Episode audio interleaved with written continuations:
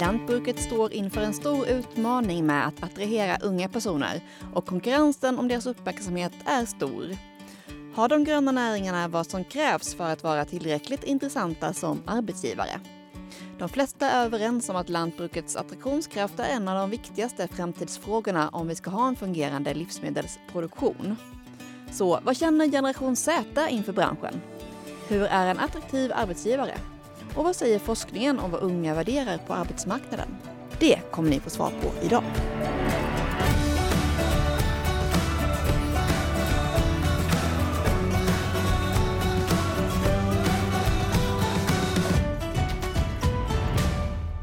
Välkomna till podden Landet, en podd som görs i samarbete med Landsbygdsnätverket och som leds av mig, Sandra Negård Petersen.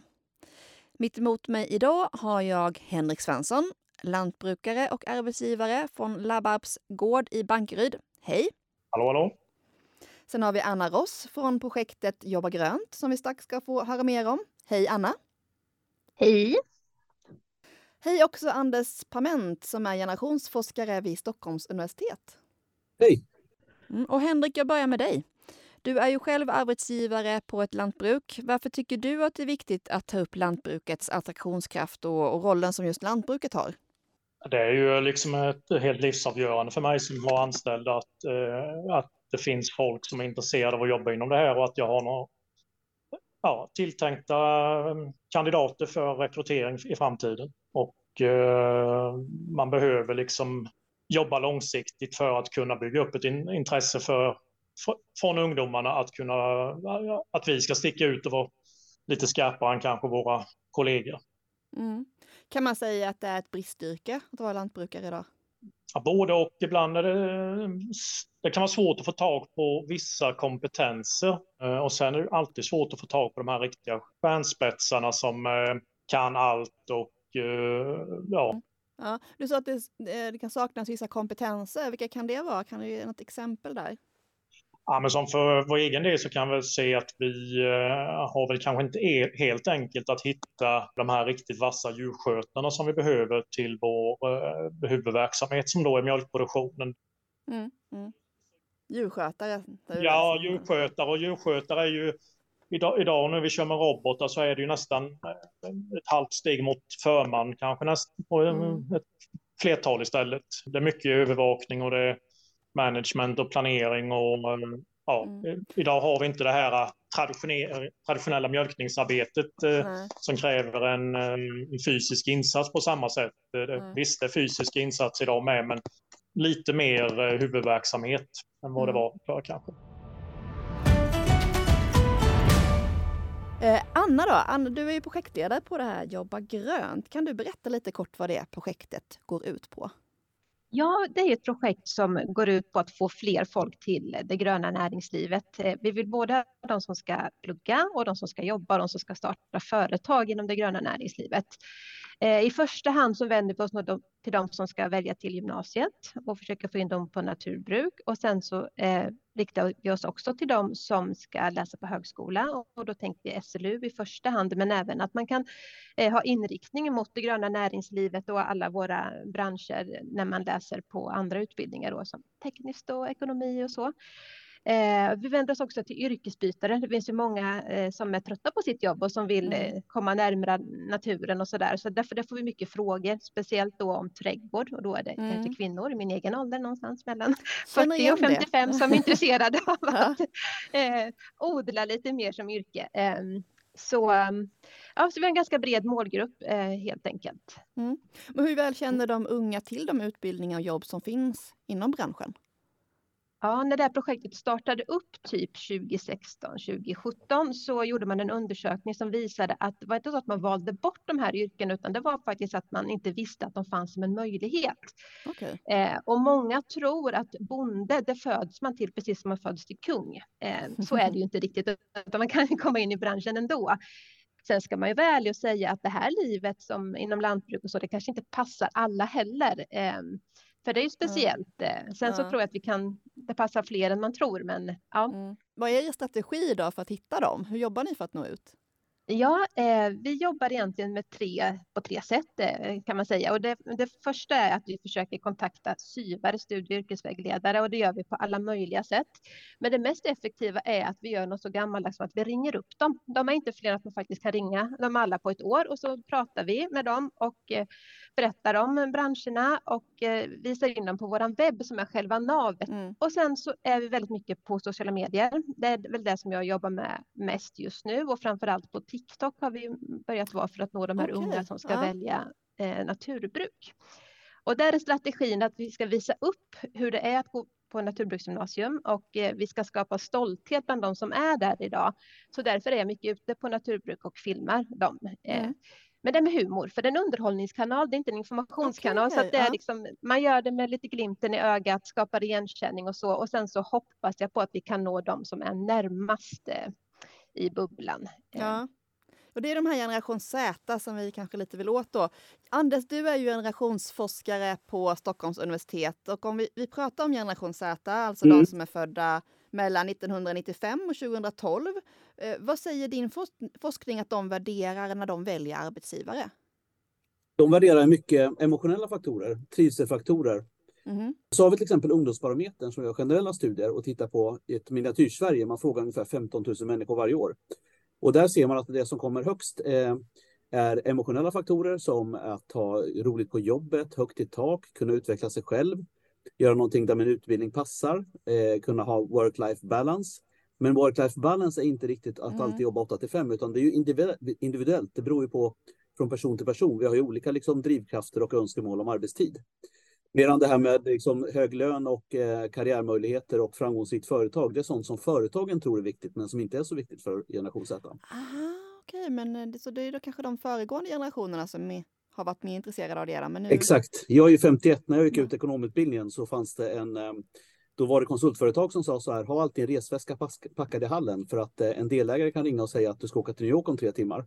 Och det var faktiskt ja. två personer som hade en resväska packad i hallen. Det var aldrig någon som ringde, men det var mer liksom sån här ja.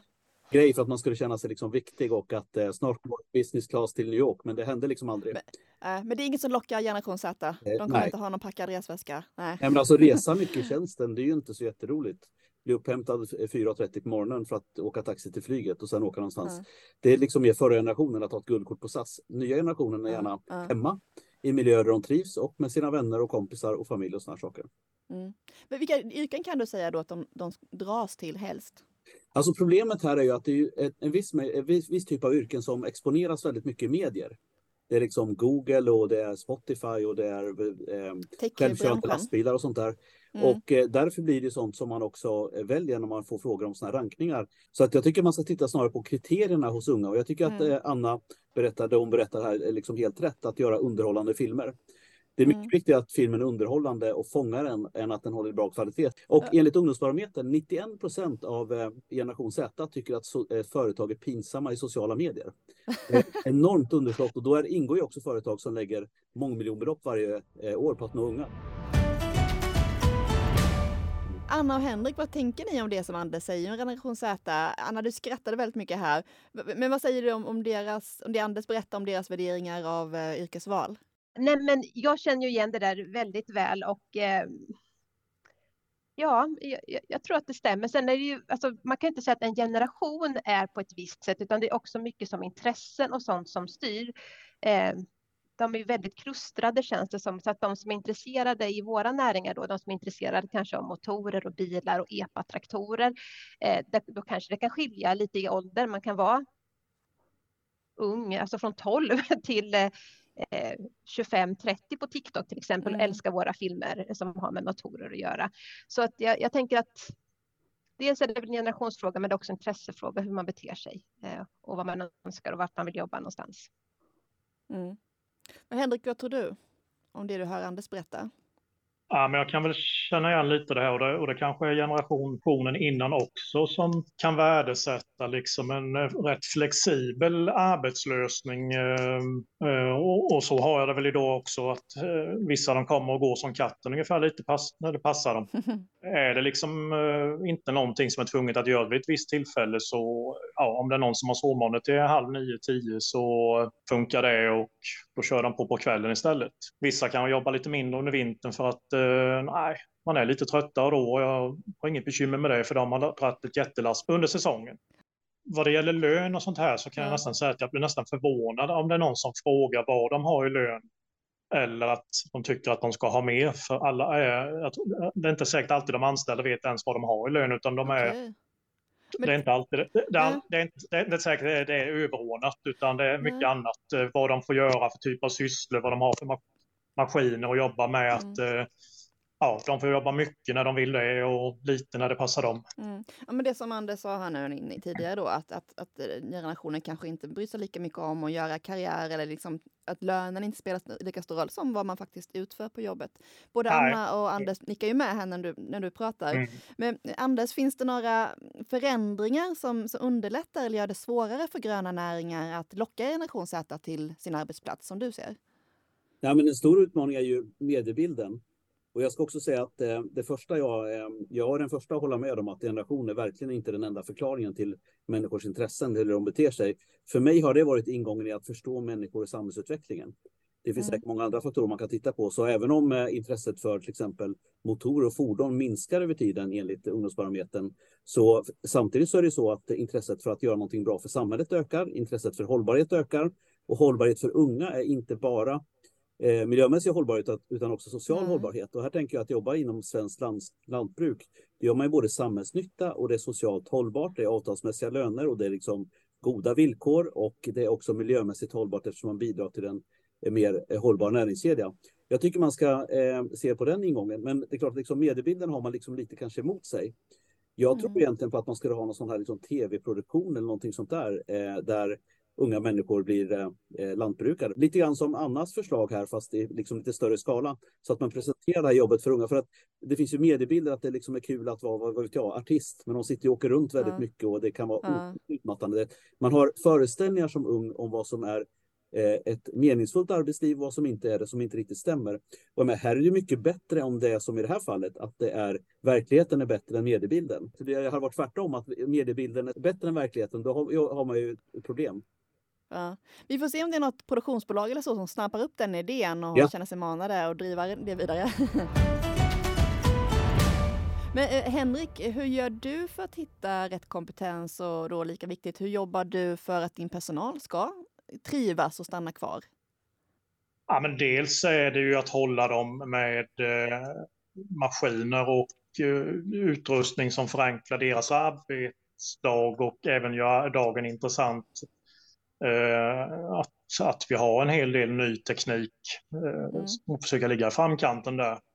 Är det det de eh. efterfrågar, som de uttalat efterfrågar, att de vill jobba med tekniken? Nej, det kanske inte det alltid är, eller, men, men på något sätt så har det ju, man kommit till en viss standard och det, det, kan vara att vissa märken av maskiner liksom attraherar mer. Så har vi tänkt liksom i 20 år tillbaka att just vi kan inte ha för dåliga grejer för att kunna attrahera det folket vi vill ha. Vi mm. kanske försöka vara lite över medel hela mm. tiden.